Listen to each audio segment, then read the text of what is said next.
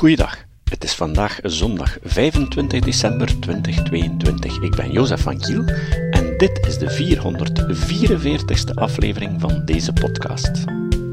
Op 2 oktober was de zevende uitgave van het Diner Parlant in Hasselt. Vijf sprekers komen een onderwerp presenteren tussen vijf gangen van een menu. Ik kon er niet bij zijn, maar Pieter van Neufel is voor mij ingesprongen en heeft de sprekers opgenomen. En vandaag horen jullie Maarten Schenk. Maarten is uitvinder van Trendalizer en redacteur bij Lead Stories, een website dat fake news in Amerika onderzoekt. In 2020 kreeg hij hiervoor van Skep de zesde vijs. Hij legt ons uit hoe slecht de Amerikaanse verkiezingen georganiseerd worden en hoe die werkwijze complotdenken in de hand werkt. Goochelen met Amerikaanse verkiezingscijfers. Tellen, verhaaltjes vertellen en verkeerd tellen.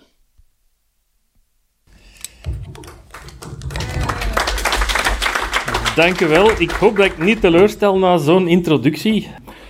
Mijn voorstellen is inderdaad moeilijk, maar ik heb toch zelf geprobeerd uh, op mijn eerste slide, als dat klikkertje hier werkt, ja, technische problemen. Het is hier niet het eerste. Maar ik ben dus Maarten Schenk. Ik heb een uh, paar jaar geleden een uitvinding gedaan, uh, de Trendolizer. Ik heb er zelfs een patent op. Uh, dat is mijn jongensdroom in vervulling van uitvinder te worden.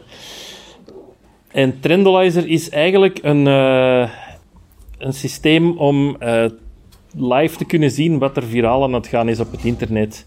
Dus die verzamelt heel veel links en dan kijkt hij op Facebook hoeveel likes, hoeveel shares, hoeveel comments zijn daar op YouTube, hoeveel keer is dat filmpje al bekeken. En dat is dan een soort dashboard waarop dat we dat dan live kunnen volgen en allerlei, uh, op allerlei manieren kunnen we dat sorteren en filteren.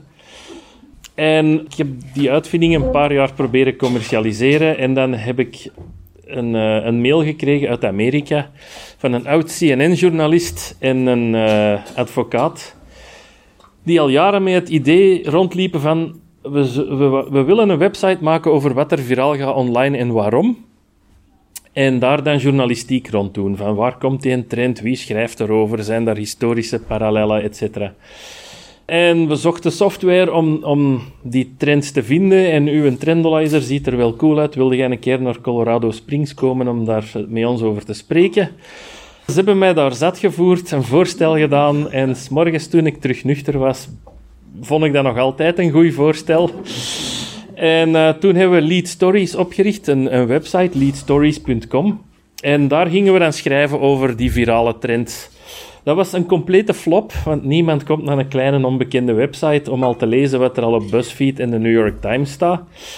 Maar de artikels uh, die we schreven als er iets viraal ging en het was niet waar, en wij waren de eerste om te zeggen van hola, die acteur is niet dood, of die ster leeft nog, of die politicus heeft dat helemaal niet gezegd, dan kregen we plots wel veel bezoekers. En uh, zo zijn we dus eigenlijk in die richting van fact-checking verzand. En hebben we ons daar fulltime op beginnen focussen. Dat was net met de verkiezingen tussen Trump en Hillary Clinton. Uh, toen waren er heel veel nepnieuws-sites die uit commercieel oogpunt verhalen verzonnen over Amerikaanse politiek en dan geld verdienden met de advertenties. Wij begonnen die sites systematisch te volgen en dan te kijken van welk artikel gaat er viraal en dan kunnen wij snel een artikel maken waarom dat het niet waar is. En dat werkte en dus zo zijn we uiteindelijk in contact gekomen met Facebook. Zijn we voor Facebook beginnen werken, dus die labeltjes van factcheckers zeggen dat dit bericht mogelijk niet klopt, dat zijn wij. Uh, toch, toch voor Amerika, dus in, in België werken we voorlopig nog niet. We werken ondertussen ook voor TikTok. En ja, ik heb in al die jaren al heel veel straffe verhalen meegemaakt, zoals je u wel kunt voorstellen. Uh, die staan ook allemaal beschreven in mijn boek The Fake News Files. En uh, ja, het heeft mij uiteindelijk zelfs uh, een zesde vijs opgeleverd. Dus er zijn zelfs fotografische bewijzen van. Ik zou het vandaag eens willen hebben over uh, verkiezingen. Ik heb een voorstel, hè, als we de verkiezingen in België eens een beetje zou veranderen. We, we schaffen die opkomstplicht af, want dat dat is niet meer van deze tijd. Oproepingsbrieven, dat, dat schaffen we ook af. Iedereen moet zichzelf maar inschrijven in het vervolg, als je daar niet aan denkt. Allee ja... En voor de verkiezingen zou elke partij nog een aparte verkiezing moeten organiseren om de lijstvolgorde te bepalen. En um, ja, vinden jullie het dan ook een goed idee dat iedereen kan opvragen in welke voorverkiezing dat je hebt meegestemd? Van, ah ja, die heeft bij de CD&V meegestemd, die voor Vlaams Belang. Uh, want je weet toch niet op wie dat je bij de uiteindelijke verkiezing gestemd hebt. Dus het kiesgeheim blijft bewaard. Bevolkingsregister, ja, dat hebben we eigenlijk ook niet nodig. Schaf dat maar af. Uh, of verspreid dat onder lokale overheden.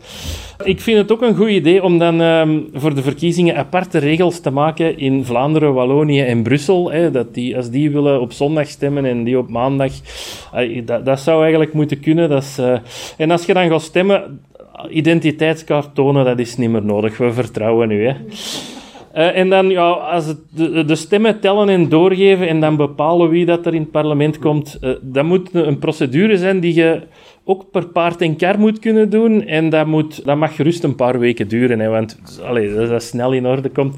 Ik denk dat de Belgische verkiezingen daarmee... Um, ja, meerwaarde. Hè.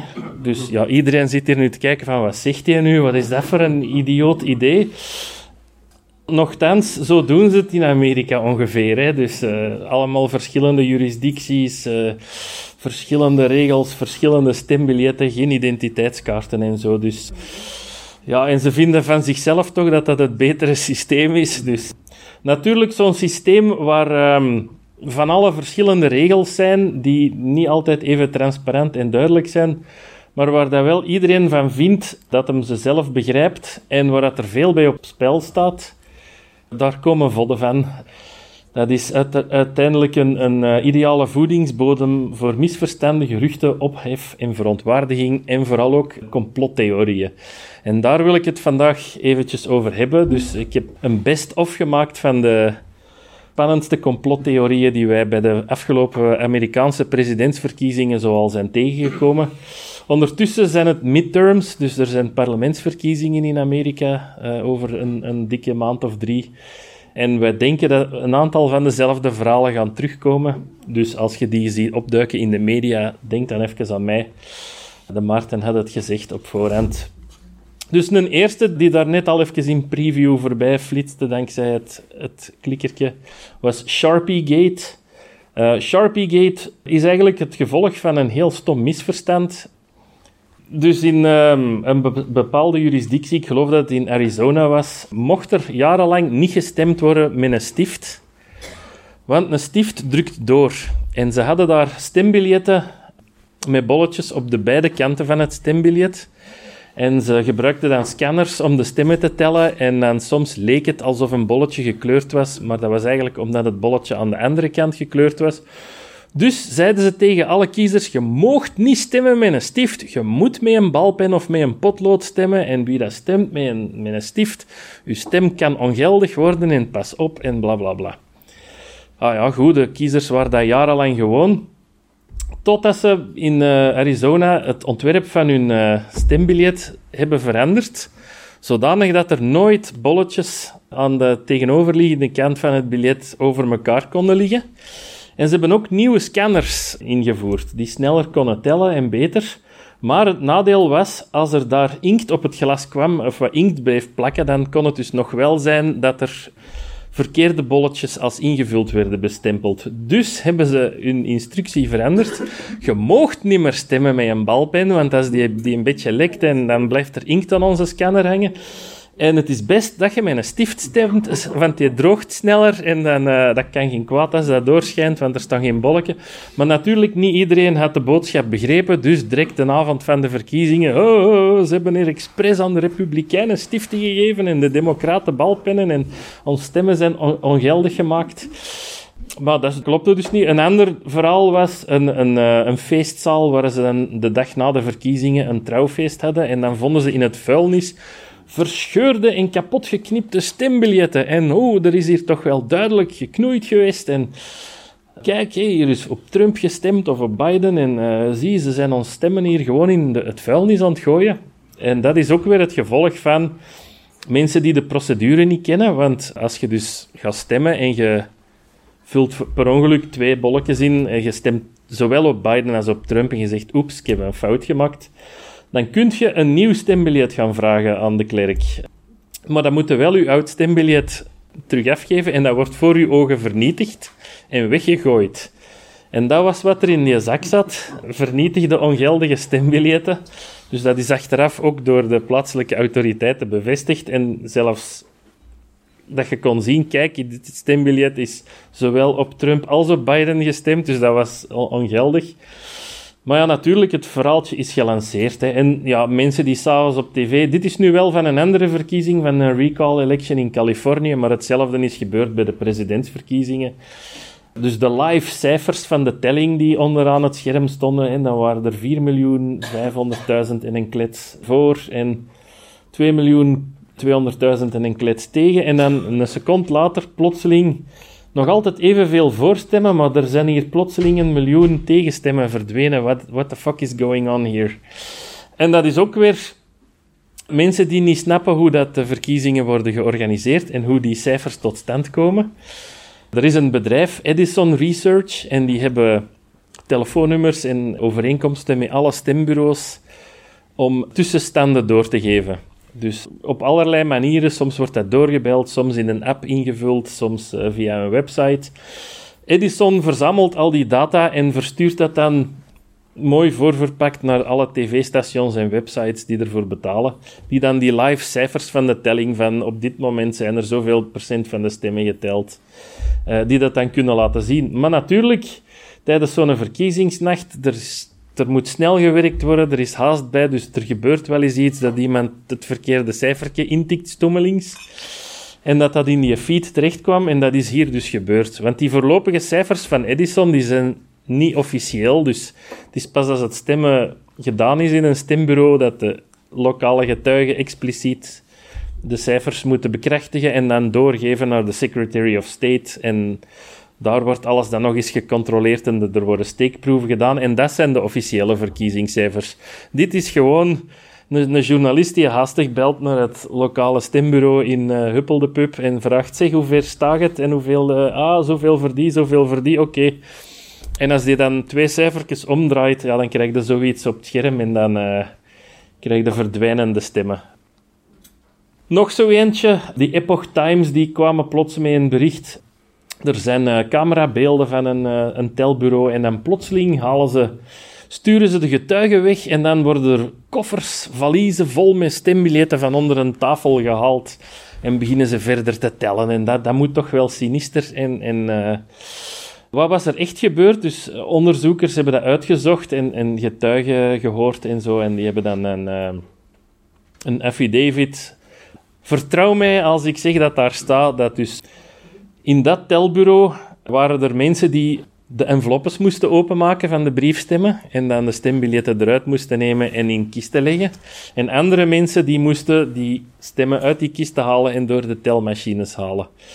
Nu, de mensen die de enveloppes moesten opendoen, die waren klaar. Alle enveloppes waren geopend, alles was in kisten gelegd. Dus die hadden van de aanwezige ambtenaar ja, de, de boodschap gekregen, jullie zijn klaar, je mocht naar huis gaan. Natuurlijk, de republikeinse getuigen die aanwezig waren, die hoorden dat en die, die dachten, dat is ook tegen ons, en die zijn ook weggegaan. Nu, bij elke verkiezing heeft elke kandidaat het recht om getuigen ter plekke te hebben bij het tellen. Uh, die moeten er niet bij zijn. Dus er staat in de wet dat die het recht hebben om daar te zijn. Er staat niet als die kiezen om weg te gaan, dat er dan gestopt moet worden met tellen. Want anders zouden, oei, uh, het gaat hier de foute kant op. We, we, roepen vlug ons getuigen terug. En dan moet een uitslag blijven steken op dit. Nee, dus zo werkt het niet. Dus die getuigen zijn vertrokken omdat ze dachten, ah ja, iedereen gaat hier weg. Maar dus die kisten met stembiljetten, die hadden ze dus onder die tafel gezet. Dat blijkt ook uit de videoopnames, als de hele video bekeken is.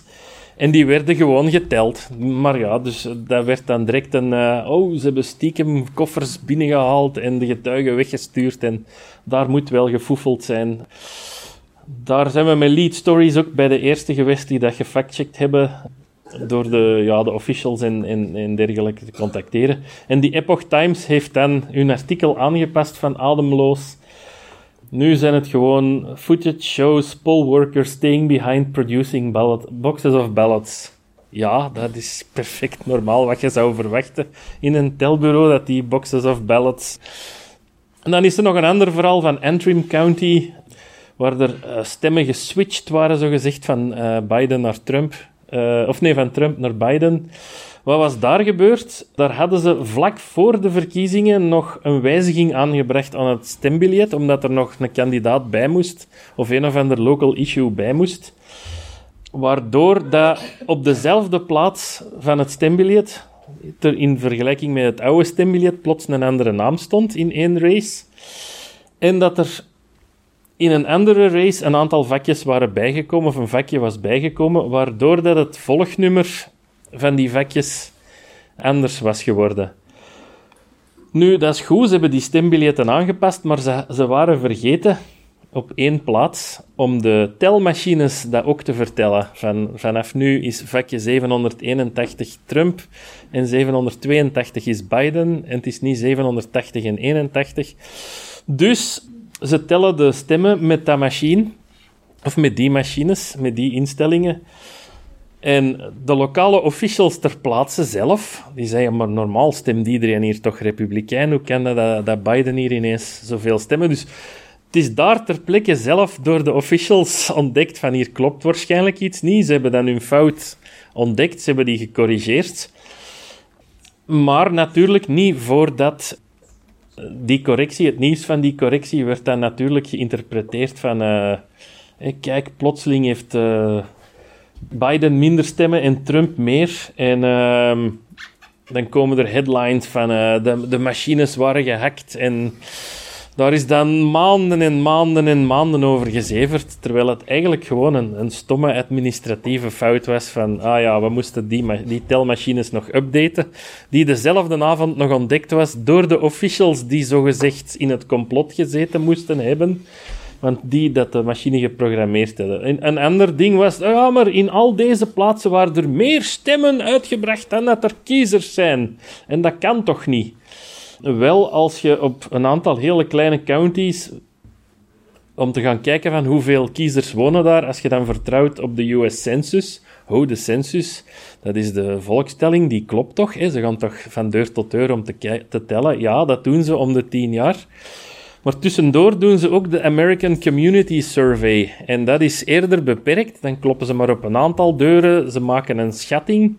En dat is meer voor beleidsdoeleinden van hoeveel ziekenhuisbedden moeten in deze streek zijn. Moeten er, moeten er extra rijstroken aangelegd worden? Hoeveel scholen moeten er voorzien worden? Dat soort dingen. En daar is het aanvaardbaar als de gegevens er een paar duizend naast zitten, zeker in een grote stad als, als foutenmarge. Maar in een kleine county waar dan maar misschien duizend mensen wonen, als je een foutenmarge van duizend hebt, ja, dat kan zijn, ja, naar schatting wonen daar 2000 mensen. hey, tja. En, uh, of, of juist in de andere richting, hè, er wonen 2000 mensen. En naar schatting woont er ongeveer 1000 man in dat dorpje. En dan plotseling zijn er 1500 stemmen uitgebracht in dat dorp. Ja, oh, er is gefoefeld. Nee, je vergelijkt appelen en peren. Je vergelijkt een schatting van hoeveel mensen dat er wonen met uh, hoeveel stemmen dat er uitgebracht zijn. Nog zo eentje, dat werd dan verspreid. Kijk, er zijn meer stembiljetten ontvangen per post dan dat er verstuurd zijn in Pennsylvania. Zo'n tabelletje, dus dat komt uit Excel. Dus dat moet correct zijn, want dat zijn gegevens uit, uit Excel. Natuurlijk werd dat dan ook verspreid door een senator, Doug Mastriano, die dat dan ademloos tweette. En ja, natuurlijk, zoiets wordt gecontroleerd voordat dat verder verspreid wordt op sociale media, dat weten we allemaal. Dus eventjes later gebeurde er dit. Trump, er is een miljoen stemmen out of thin air gecreëerd met die tweet van Mastriano. Het is allemaal opgezet spel, uh, iedereen weet dat er hier gefoefeld is. Toen zijn wij gaan kijken van, waar komt dat cijfer eigenlijk vandaan van het aantal stembiljetten dat zo gezegd is uitgestuurd? En dat hebben we heel eenvoudig gevonden, gewoon door te googlen op dat cijfer een ballots en mail-in ballots en zo'n paar variaties.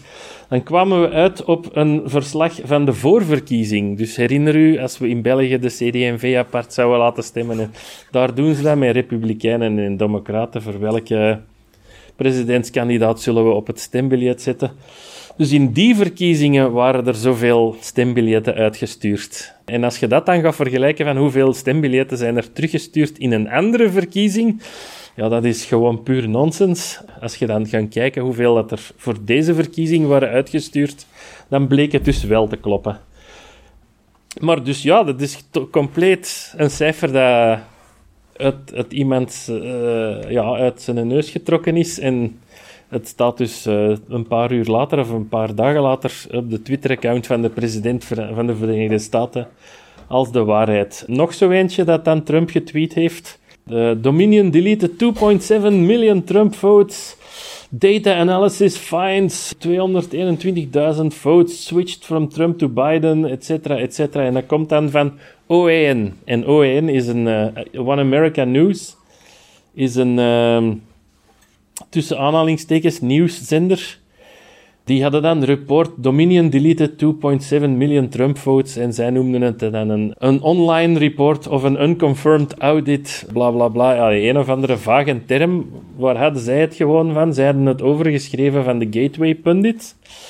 Dat is een hele rechtse opiniesite. Exclusive analysis of election night data from all states shows millions of votes switched from Trump to Biden or lost.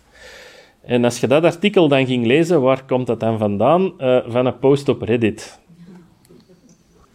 Die post op Reddit, wat hadden die gedaan? Herinner u Edison Research, dat bedrijf dat die datastromen stuurt over de, de telgegevens tussendoor, dus de tussenstanden, de onofficiële tussenstanden.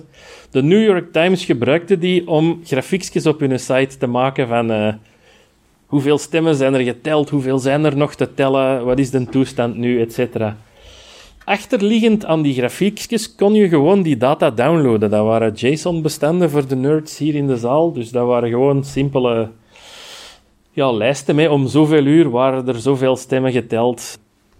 Nu, wat bleek? Eh, wat had die mens op Reddit gedaan? Die had al die bestanden gedownload. En die was beginnen tellen, maar die had dus gezien van soms gaat het aantal stemmen omlaag en soms gaat het omhoog. En dat kan niet. En dus al die keren dat het omlaag ging voor Trump, heeft hem bij elkaar opgeteld. En dat kwam uit 2,7 miljoen. En voor Biden, ja, en dan, ja, er zijn stemmen verdwenen, uh, was zijn conclusie. Dat klopte natuurlijk niet. Wij zijn met lead stories in die data gedoken. Wat bleek? Daar stond dus niet in.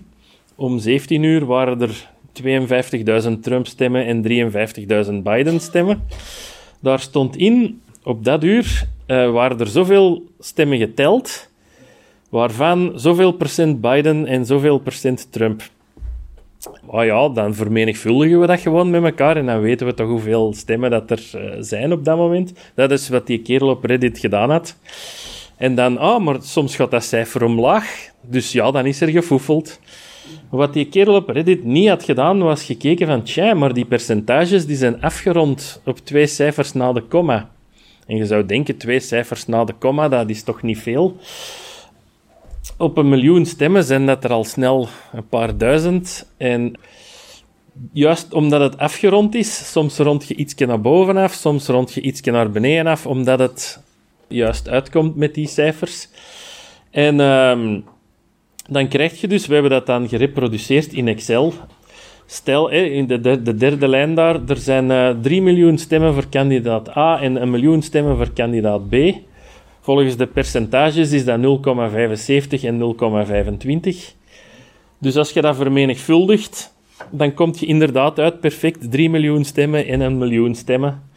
Maar stel dat we één stem bijgeven aan kandidaat A, er wordt één stembiljet bijgeteld, A, dat is voor A. Nu is de verhouding 0,75 0,00000052 en 0,2499999938. Ah, we ronden dat af, 0,75 en 0,249. Als we dat dan gaan vermenigvuldigen, dan zijn er plotseling uh, 4000 stemmen verdwenen schijnbaar bij kandidaat B. En uh, dat is wat er dus in die Edison-data overal gebeurd was. Dus uh, uiteindelijk maakt dat niet uit, want als er weer een paar stemmen bij komen, dan switcht die afronding weer in de andere richting. Dus, dus eigenlijk zouden al die afrondingen, je mocht die niet zomaar optellen, want dat maakte de fout alleen maar groter. Maar dat had die kerel dus wel gedaan. En um, sommigen vonden dat dan zo geloofwaardig voor dat dan als online reports are saying. En dan kwam het op OEN en vervolgens op de feed van Trump. En toen werd het nog gekker. Dan waren er verhalen op OEN van... Um, er zijn servers in beslag genomen in Duitsland, want de stemaantallen werden naar Duitsland gestuurd voor daar berekend te worden door die bedrijven die dat dan totaal uit de lucht gegrepen.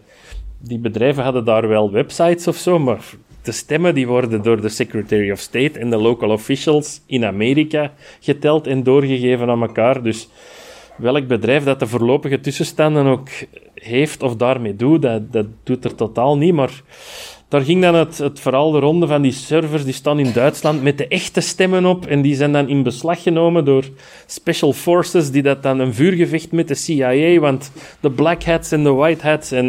dus ja, daarmee dat, er een, dat ik er een clown-emoji in heb bijgezet, dan deed er ook het verhaal de ronde van, ja, en er was dan een, een uh, oud-medewerker van de ambassade in, in Rome, die dan via militaire satellieten de boel gehackt heeft. En daar kwamen dan ook allerlei filmpjes en... En dan zouden denken dat is totaal onzin, dat soort verhalen, maar het wordt nog gekker. Dan was er dus een, een website, die American Report, die beweerde dat ze een klokkenluider hadden die vroeger voor de CIA en het NSA had gewerkt en die data had dat de stemcomputers vanuit het buitenland gehackt waren. En kijk hier overtuigende Excel-tabellen met IP-adressen en op welke manier dat gehackt is. En uh, ja, wij hebben die dan bekeken en ja, daar stond... Je kon dus duidelijk zien dat die tabellen met de hand waren gemaakt, dat daar spelfouten in stonden, dat er eh, IP-adressen van de website van de county maar ja, de stemcomputers zijn niet online. Dus waarom dat de, de website met de, met de belastingsreglementen en de uren van de vuilkar, waarom dat die dan gehackt is en hoe dat ze dan aan de stemcomputers geraken, dat snappen we nog altijd niet. Die IP-adressen stonden in verdachte volgorde. Dus allee, er was van alles aan duidelijk dat dat een, een vervalsing was.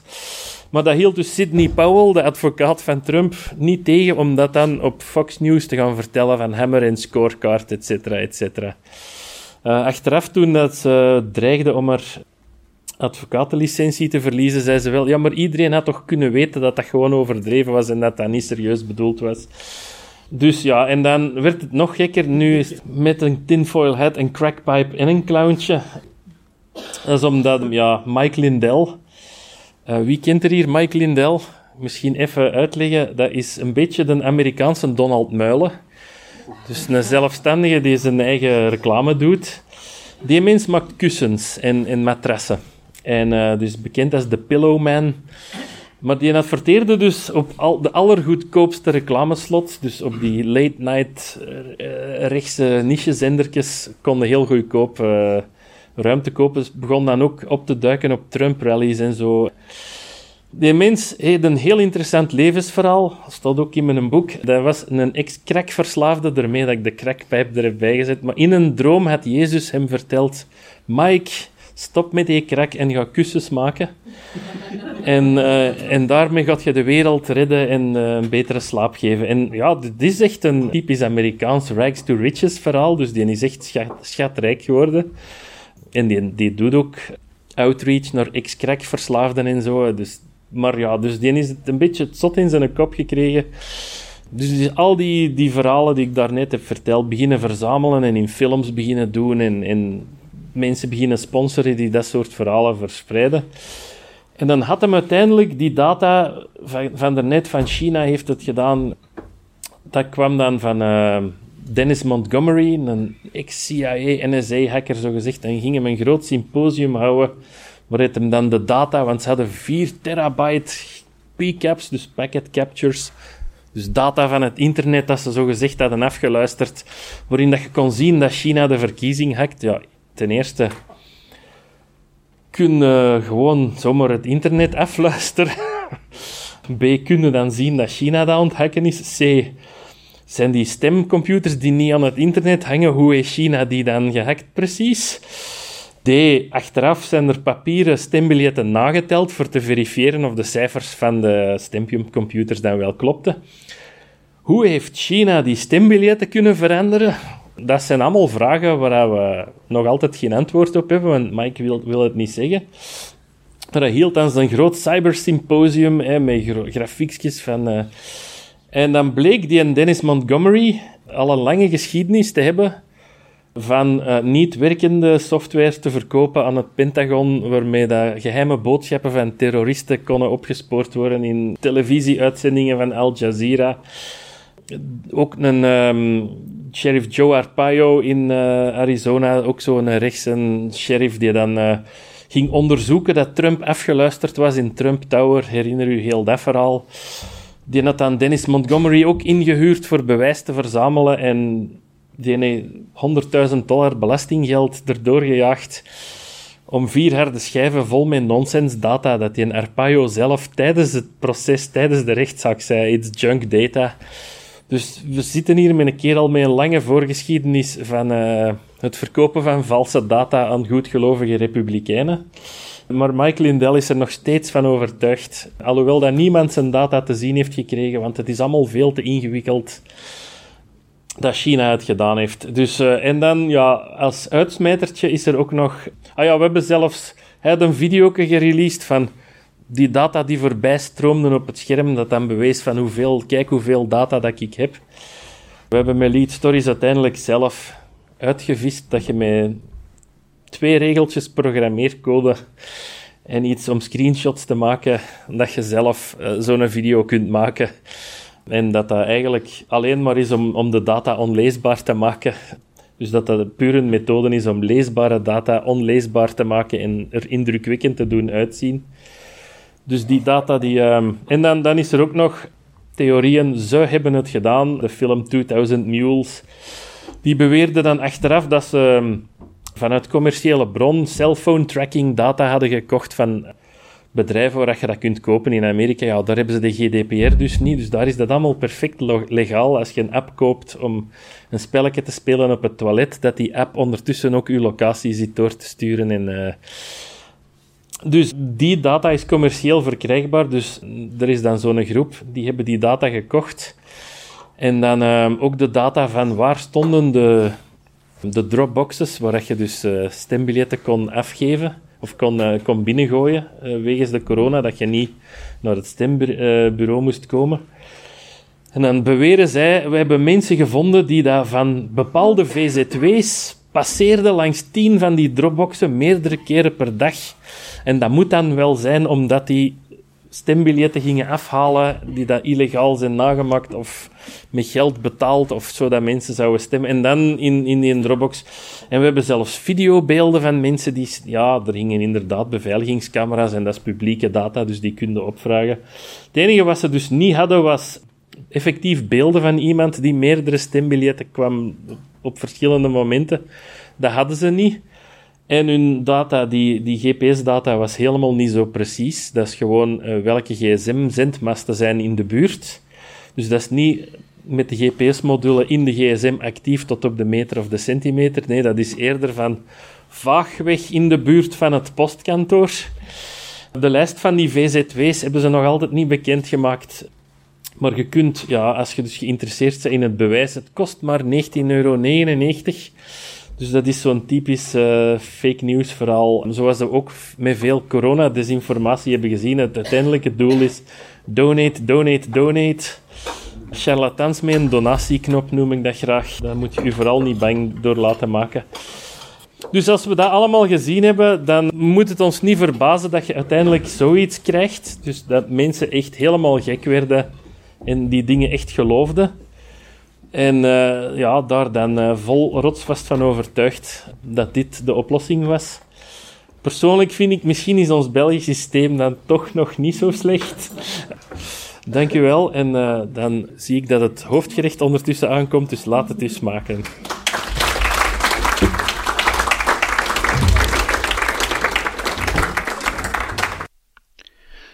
Volgende keer horen jullie Pieter Jan van Leemputten. Het citaat. Het citaat van vandaag komt van George Bernard Shaw. Shaw was een toneelschrijver en vrijdenker. George Bernard Shaw zei: Wees op je hoede voor valse kennis. Het is gevaarlijker dan onwetendheid. Tot de volgende keer. Dit was de podcast Kritisch Denken. Vergeet niet om alles kritisch te behandelen, ook deze podcast. Voor verdere informatie over deze podcast, links en voor de tekst, surf naar www.kritischdenken.info. Als je deze podcast belangrijk vindt, kun je me steunen door anderen warm te maken ook eens te luisteren. Stuur een e-mail naar vrienden met een link naar de website en plaats de link in de handtekening van je e-mails. Tevens kun je op iTunes deze podcast een beoordeling geven of een recensie schrijven. Of je kan op je eigen website of blog een link naar kritisch denken plaatsen.